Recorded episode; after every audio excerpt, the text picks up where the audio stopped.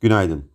Çin ekonomiyi canlandırmak için yerel yönetim özel tahvilleri aracılığıyla mali harcamaları ve yatırımları arttırarak 2023'te mali genişlemeyi uygun bir şekilde hızlandırmayı değerlendiriyor.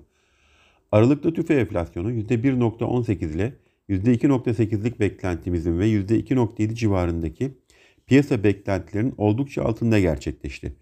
Böylece yıldan yıla enflasyon geçen seneki %36.1 seviyesinden %64.27'ye, ortalama yıllık enflasyon ise %19.6'dan %72.3'e yükseldi.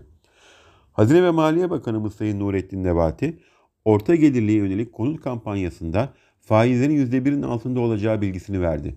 Cumhurbaşkanımız Sayın Recep Tayyip Erdoğan, memur ve emekliye %25 zam yapılacağını açıkladı. Bugün yurt içinde reel efektif kuru açıklanacak. Bugün ayrıca Çevre Şehircilik Bakanlığı tarafından orta gelirliye yönelik konut kampanyasına dair açıklamalar yapılması bekleniyor. Yurt dışında FOMC toplantı tutanakları açıklanacak.